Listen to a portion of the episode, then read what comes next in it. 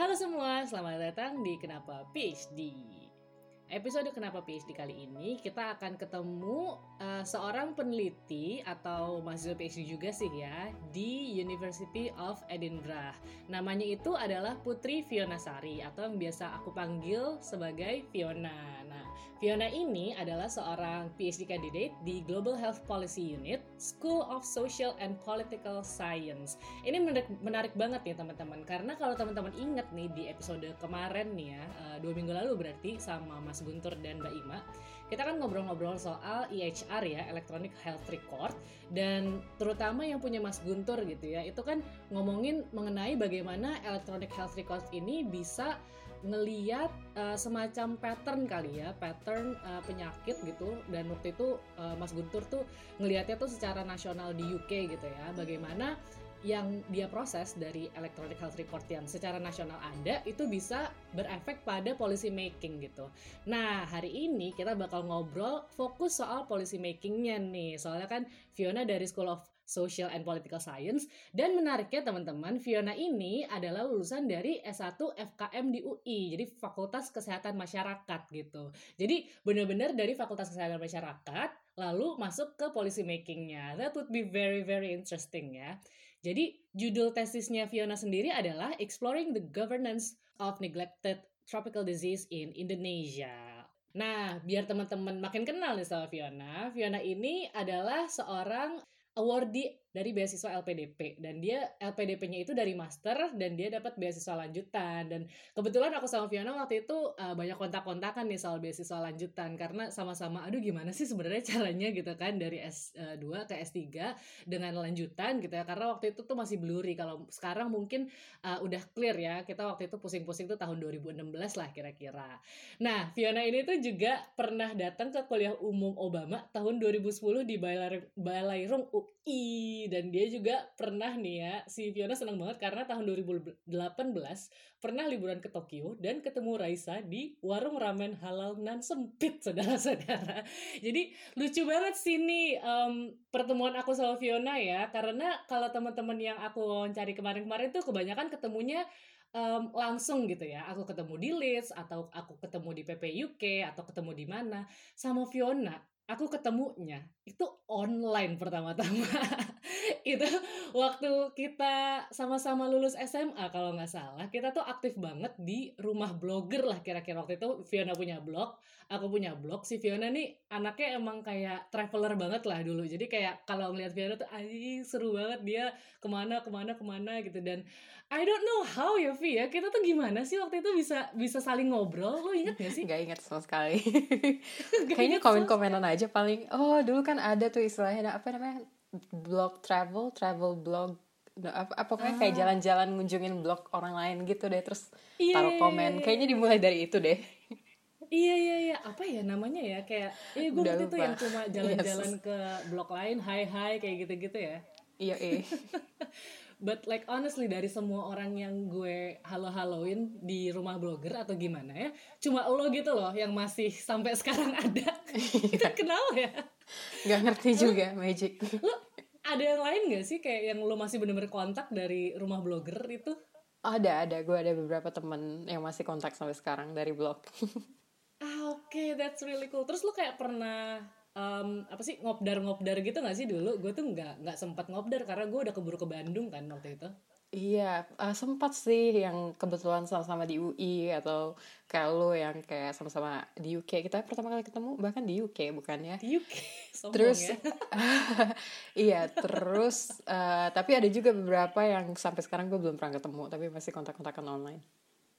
Ah, gila. Di Instagram. Oke, okay. oh ya teman-teman, jadi uh, sejarahnya aku ketemu Fiona ini di rumah blogger berarti itu 2008-ish ya dan kita bener-bener baru ketemu di Edinburgh tuh tahun 2016 berarti Vi ya? ya iya. Iya. That's insane. Itu kayak 8 tahun. iya, Ih, gila okay. banget. Oke, okay, kita ngobrol-ngobrol soal tesis lo dulu nih, Vi. Uh, first of all, thank you ya udah mau uh, join Kenapa PhD. Gue senang sekali. Iya, makasih udah diundang ya.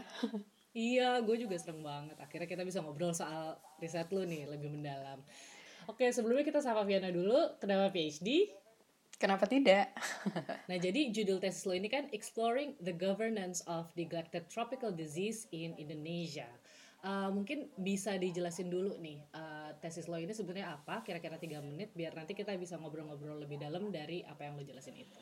Oke, okay, siap, makasih. Uh, jadi ya itu working title gue ya, Exploring the Governance of Neglected Tropical Diseases in Indonesia. Jadi gini, ketika orang meneliti kesehatan, biasanya itu yang yang dipikirkan adalah kayak gimana cara improve kesehatan, gimana caranya men mencari teknologi baru yang bisa dipakai, uh, atau kayak gimana cara pencegahan, cari faktor-faktor resiko. Nah, penelitian gue agak beda dikit nih. Jadi gue itu yang gue lihat justru adalah orang-orang yang terlibat di uh, kebijakan kesehatan, gimana sih mereka ini relationships mereka satu sama lain gitu dan gimana uh, peran mereka atau background mereka shaping uh, kebijakan itu sendiri gitu. Nah di konteks tesis gue, gue pakai studi kasus neglected tropical diseases in Indonesia gitu. Di NTD ini atau bahasa Indonesia-nya itu penyakit tropis terabaikan itu adalah sekelompok penyakit yang apa ya, yang affecting uh, the poorest of the poor. Sedih sih sebenarnya itu biasanya disebut sebagai infectious disease of poverty. Jadi penyakit yang sebenarnya penyakit dari ancient disease ini kayak udah dari zaman kuno berabad-abad nggak hilang-hilang dan sayangnya yang kena itu biasanya uh, kelompok-kelompok uh, masyarakat yang termar termarginalkan gitu terisolasi. Contoh penyakitnya itu uh, uh, kaki gajah, kusta, um, terus apa lagi ya? Uh, demam cakung eh no no. Demam siput sorry kok cakung.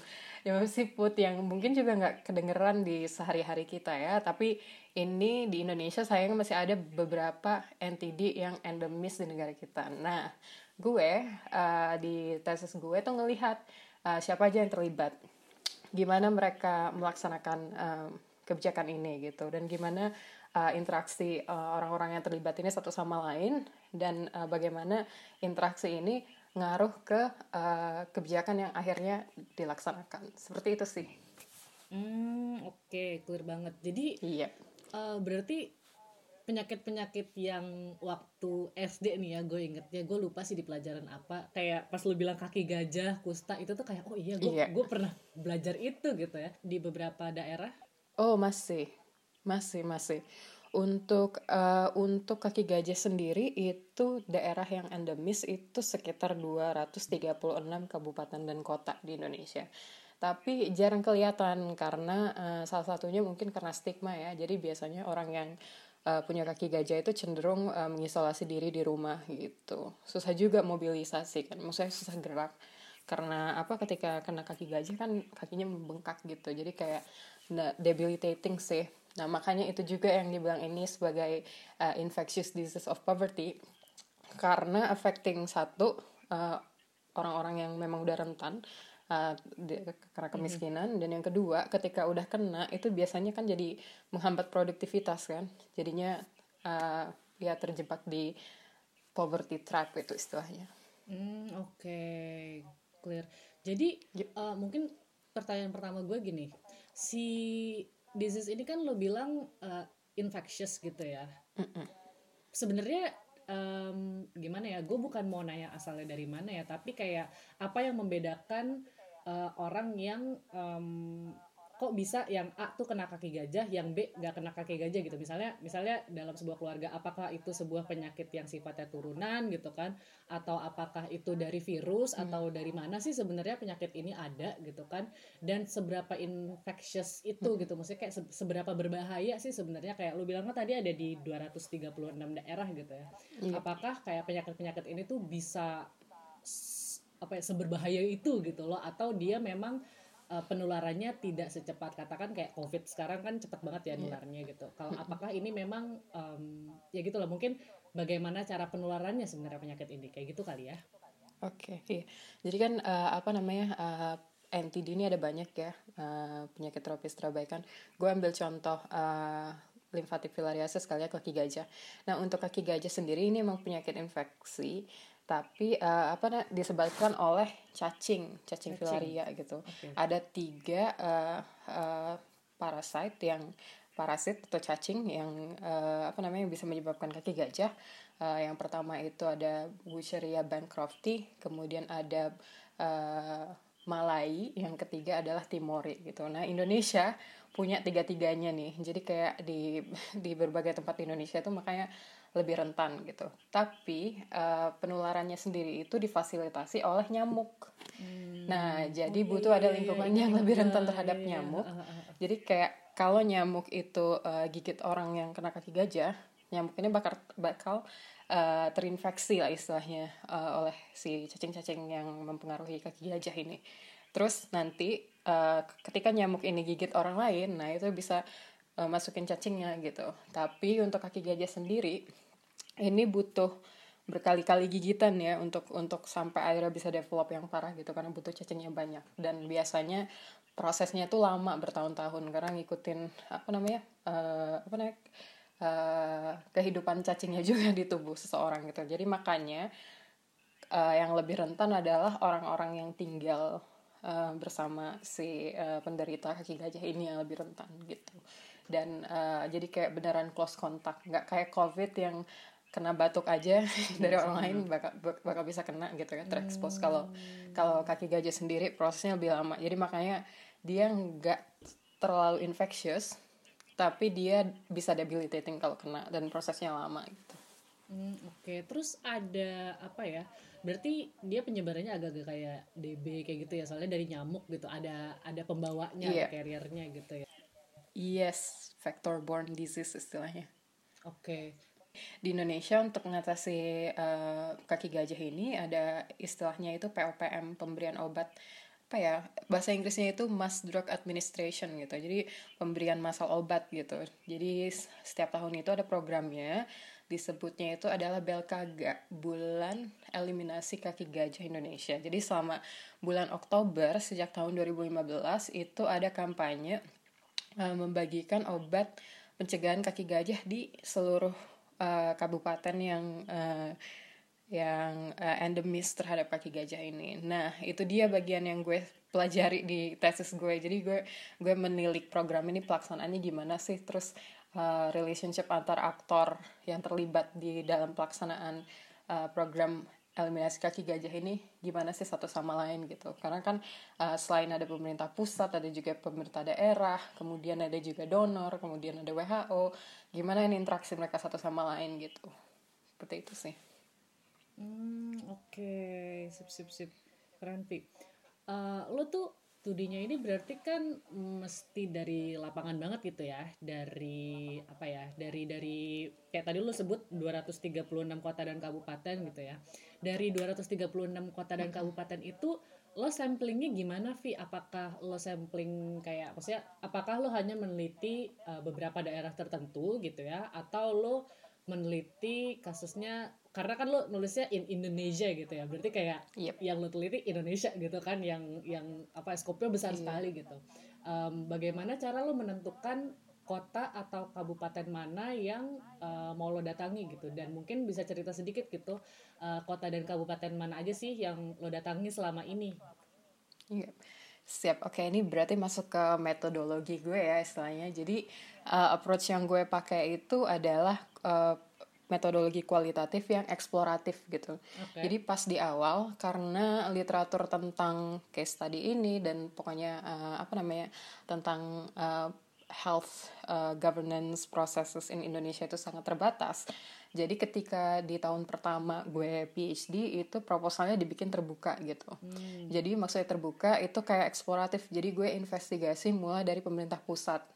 Nah, karena gue kualitatif, gue pakai metode uh, istilahnya itu elite interviews gitu. Jadi gue wawancara bapak ibu pejabat sekalian dari berbagai macam kementerian uh, di Indonesia, uh, dari Kementerian Kesehatan, Kementerian Dalam Negeri, gue juga ke Kemenko PMK, terus ke Kementerian Keuangan gue gue wawancara sesama lain terus akhirnya gue uh, bikin analisa.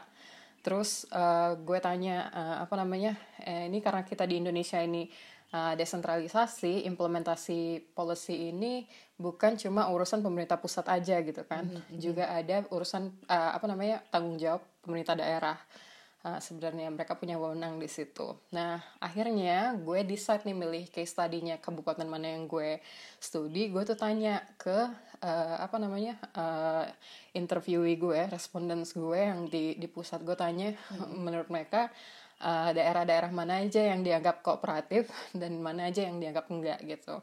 Nah akhirnya gue pilih dua yang dianggap uh, daerah yang uh, kooperatif terhadap policy ini dan gue ambil dua yang dianggap yang agak-agak susah gitu okay. entah dari segal dari kendala atau dari prosesnya lambat lah atau uh, perwakilan pemerintah daerahnya kurang kooperatif sama pemerintah pusat. Mm -hmm. Nah, -hmm.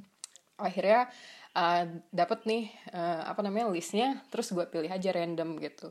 Nah, karena keterbatasan dan segala macam, akhirnya gue cuma bisa uh, interview uh, dari empat kabupaten gitu.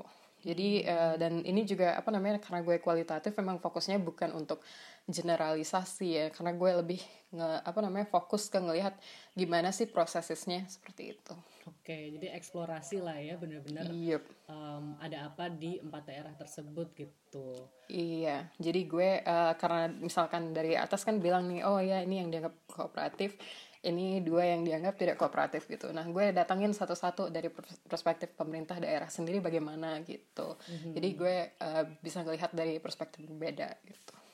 Ah, Oke, okay. seru banget ya. Dan empat apa ya empat kabupaten atau kota ini lo berarti kan wah terbang dari satu tempat ke tempat lain gitu ya proses makanya untuk proses wawancaranya berapa lama tuh Pi untuk maksudnya semuanya nih berarti maksudnya kayak lu dari pemerintah pusat dulu itu lo ke mana ke mana ke mana mm -hmm. ke mana bercabang-cabang gitu ya dari kementerian ke kementerian gitu kan abis itu lo terbang dari yes. satu tempat ke tempat lain dan pasti di kabupaten kota itu lo juga pasti bercabang-cabang yeah. kan lo ketemu orang ini ini ini kayak gitu kan yeah. itu kayak in in, in proses tuh berapa lama in total kira-kira jadi untuk field work gue sendiri totalnya satu tahun uh, okay. tapi apa namanya gue spending time mostly kayak berapa ya sekitar nggak nyampe enam bulan. Empat bulan pertama itu gue fokus di pusat tuh. Mm-hmm. jadi gue fokus di pusat terus kalian apa namanya analisa segala macam snowballing. Terus gue uh, spending time satu bulan untuk preparasi uh, itu uh, kemudian gue spending time untuk wawancaranya sendiri sih di tiap daerah itu sekitar satu dua minggu aja gitu. Kayaknya paling nggak nyampe dua minggu sih. Tapi memang dari Jakarta itu gue udah siap tuh siapa aja yang mau gue wawancara uh, dan segala macam dan gue dibantu banget dengan lagi-lagi terima kasih LPDP karena gue tanya di milis LPDP uh. jadi uh, gue tuh uh, apa namanya daerah uh, yang kebetulan uh, jadi case study gue itu ada Aceh Timur Batam, terus uh, Mamuju sama Flores Timur. Nah, gue inget gue nanya-nanya di milis LPDP siapa uh, awardee yang dari daerah tersebut, terus gue minta uh, kontak, network segala macam. Uh, akhirnya bisa tuh wawancara juga. Sampai bahkan gila, gila. di beberapa tempat gue wawancara uh, bupati dan wali kotanya langsung. Terus uh, apa namanya di tiap daerah gue ya pokoknya ada perwakilan uh, uh, cuma satu doang deh kayaknya ya, wakil bupati. semuanya gue. gitu ya? iya. Oh. iya terus uh, dari bapeda segala macem. Itu uh, wah kalau gue lihat ke belakang gila juga sebenarnya dipikir-pikir tapi bisa aja ternyata. Terima kasih LPDP Gila sih seru banget sih Sumpah gue dengerinnya dari Aceh Timur ke Batam Terus Mamuju Mamuju tuh mana ya? Gue tuh sering denger tapi kayak tuh. Iya. Mamuju tuh mana ya? Mamuju tuh Iya Mamuju Sulawesi Barat oh, Jadi itu ah, termasuk salah satu baru sih ha -ha. Sulawesi Barat Provinsi okay. baru uh -uh. Habis itu Flores Timur Yes Gila itu seru banget Dan Seru banget Flores Timur gitu Iya Seru banget deh pokoknya uh, uh, proses fieldwork gue sendiri. Uh, kalau jadi kalau ambil datanya sendiri ya gue interview uh, apa namanya Berbagai bapak ibu pejabat sekalian. ya. uh, betul betul betul betul. Thanks banget Vi uh, untuk sharing sharingnya mudah-mudahan semakin apa ya semakin diberikan semangat untuk menyelesaikan penelitian yang sudah lo jalankan sampai selama ini gitu ya. Amin. Nah itu dia kendalanya. Apa ya?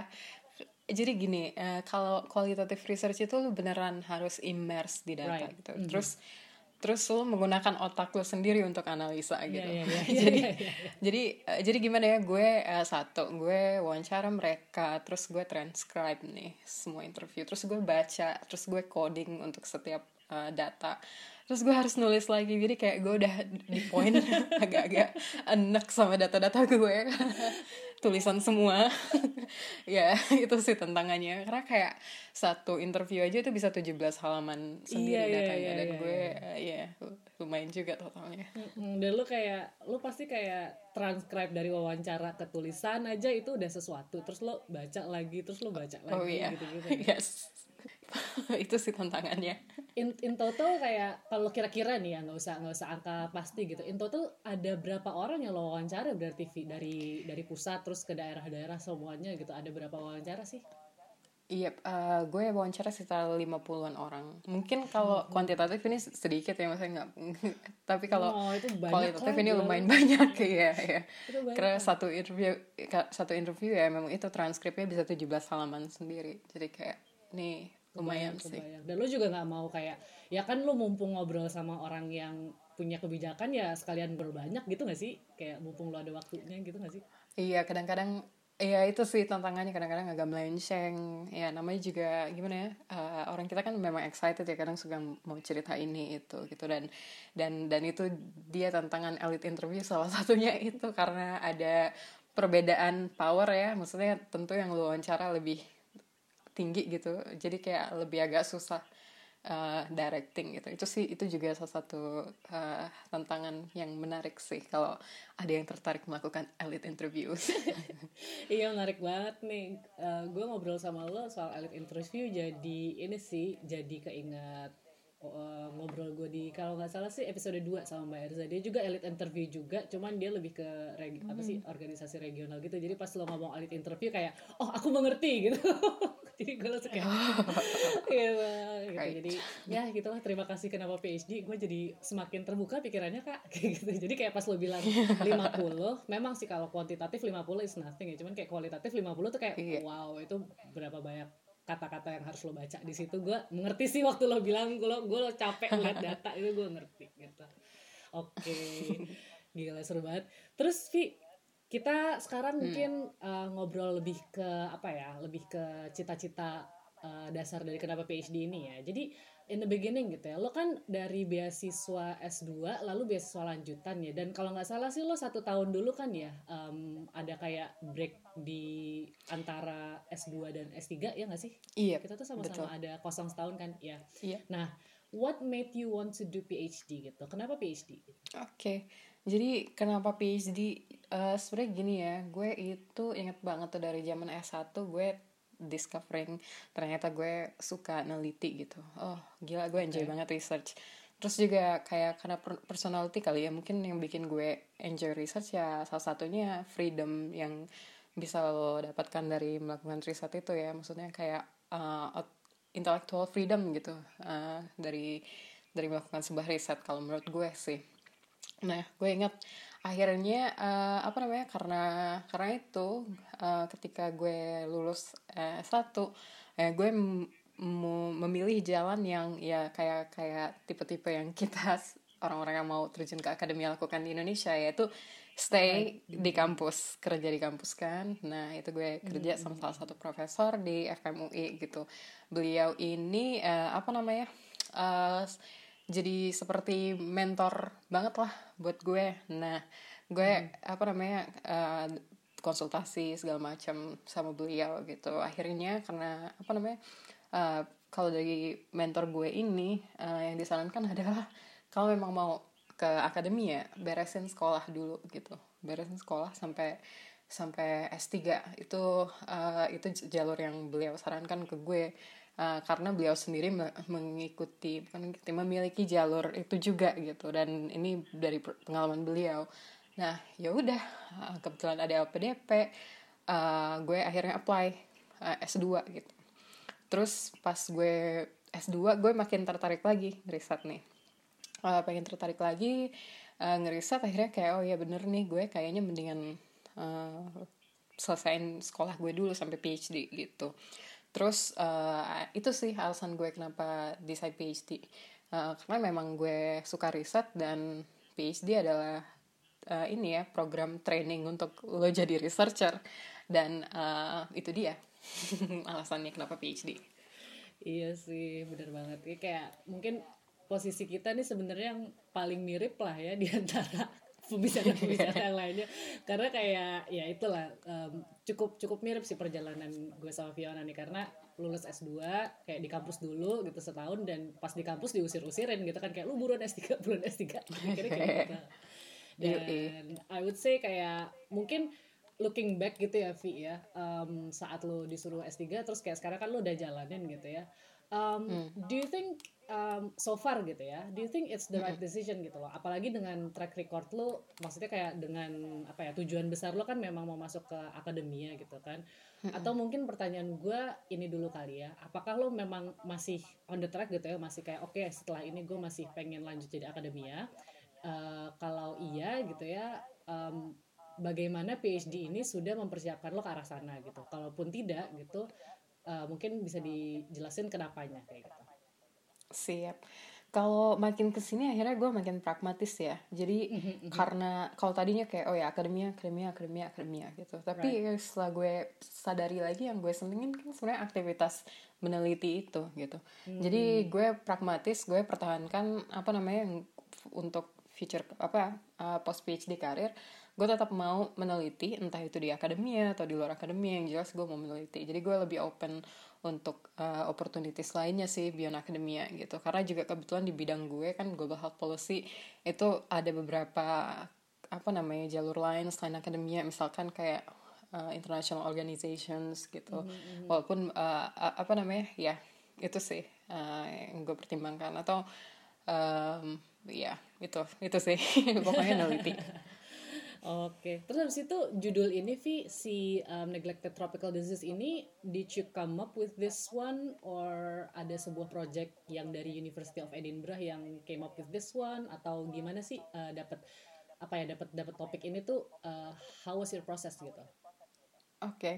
jadi pas gue mulai PhD, yang gue tahu itu dan yang gue mau adalah gue meneliti something to do with policy processes. Mm -hmm. Nah, uh, apa namanya? Akhirnya gue uh, baca-baca tuh kan literatur yang ada segala macem dan kenapa akhirnya gue pilih studi kasus NTD sendiri itu karena kayak uh, pas dari gue melakukan literatur review di awal-awal itu kelihatan significant gap gitu maksudnya dari dari penyakit ini NTD ini memang masih sedikit literatur terkait policy processes kemudian hmm. juga Indonesia karena of course gue uh, focusing study gue ke mm -hmm. Indonesia. Di Indonesia juga penelitian terkait NTD ini masih terbatas uh, terutama bagian kebijakannya. Dan yang terakhir ya secara in general di Indonesia uh, literatur atau studi-studi yang fokus terhadap uh, proses kebijakan kesehatan di Indonesia juga masih terbatas. Makanya akhirnya gue uh, decide topik ini gitu Hmm, Oke, okay. dan lo um, apply sendiri ke profesor lo yang di Edinburgh gitu ya, pembimbing yang di Edinburgh? Yes, jadi kebetulan kalau di field gue itu tuh uh, jarang ada program studentship atau uh, dari supervisor yang decide topik terus nyari student. Jadi lebih kayak uh, independen dari studentnya sendiri maunya apa gitu sih. Oh gitu. Iya. Yep. juga ya, berarti sampai so everything that you're doing itu benar-benar dari lo sendiri gitu ya? Uh, ya bisa dibilang gitu dengan dengan guidance supervisor gue sih.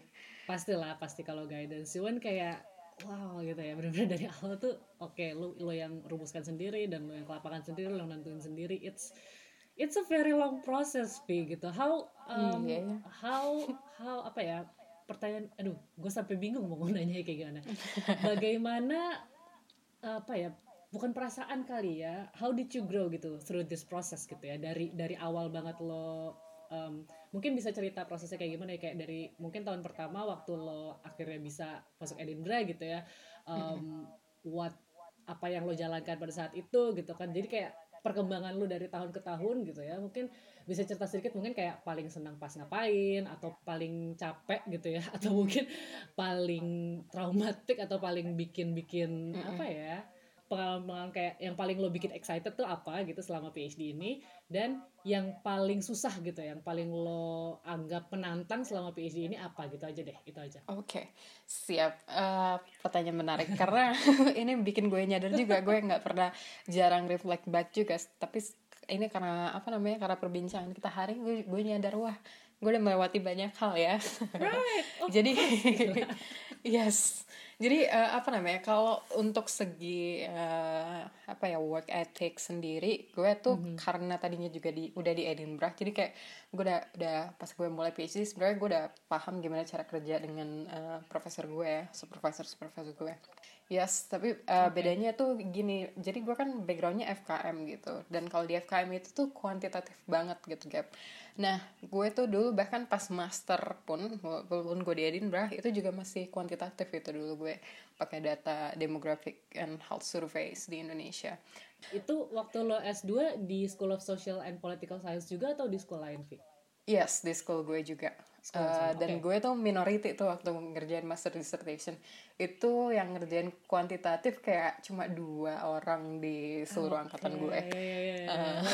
Iya, jadi uh, uh, yes, jadi awalnya itu gue tuh uh, apa namanya background gue tuh mm -hmm. sangat kuantitatif. Jadi ketika gue mulai di project gue itu mindsetnya susah banget karena kayak itu tadi kayak gue mikirin oh internal validity, external validity kayak ternyata tuh kayak gue menyadari bahwa beda banget paradigm antara quantitative research dan research yang gue lakukan sekarang gitu. Jadi uh, in terms of understanding differences in research paradigms itu gue udah lumayan banget sih setelah gue pikir dari awal gue mulai sampai sekarang gitu. Kayak gue udah lebih paham gitu. Terus yang paling menyenangkan tentu pas gue field work sih. Karena kayak gimana ya, huh, uh, it was very exciting. Uh, tapi rasanya kayak cepat banget. Uh, tapi kayak gimana ya ngasih adrenalin rush lah. Karena kayak harus ketemu berbagai macam orang. Terus gue uh. sendiri banget. Gue inget banget tuh gue uh, jalan kaki di di sekitaran Salemba ke dari kementerian A ke kementerian B naik gojek segala macam. Seru banget. Dan gue literally sendirian ngerjain semuanya terus uh, ya tentu dengan bantuan orang lain tapi kan intinya gue cuma sendiri gitu di project ini Terus hmm. uh, yang paling menantang sih sekarang ya karena itu tadi uh, gue sekarang lagi writing. Nah karena gue itu social science, uh, PhD thesis itu panjang dan itu harus kayak jadi satu buku gitu. Jadi kalau di social science itu bi kayak nggak jarang akhirnya PhD thesis itu di convert dan dipublish jadi buku sendiri gitu kayak itu itu very common. Hmm. ya jadi intinya gue tuh harus tulis satu buku nih tentang tentang topik gue. Dan uh, tantangannya adalah karena gue udah agak enak sama data-data ini kan karena gue udah terlalu immerse dari semenjak fieldwork sampai sekarang. Jadi kayak ini sih um, apa ya uh, dealing with boredom. Itu sih yang paling menantang. Jadi kayak eh, itu bagian bagian yang uh, paling menantang dari writing process. Dan ini bukan bukan gue aja kok. Rata rata-rata ini hampir semua PhD students di uh, departemen gue di field gue bilangnya ini dealing with boredom. Memang benar-benar pas tulisnya gitu ya. Iya. Gila keren banget. Berarti produk akhir lo nanti buku ya? Yes. Dan gue harus dan gue harus defend ke external examiner kenapa uh, apa namanya ya buku gue itu make sense gitu.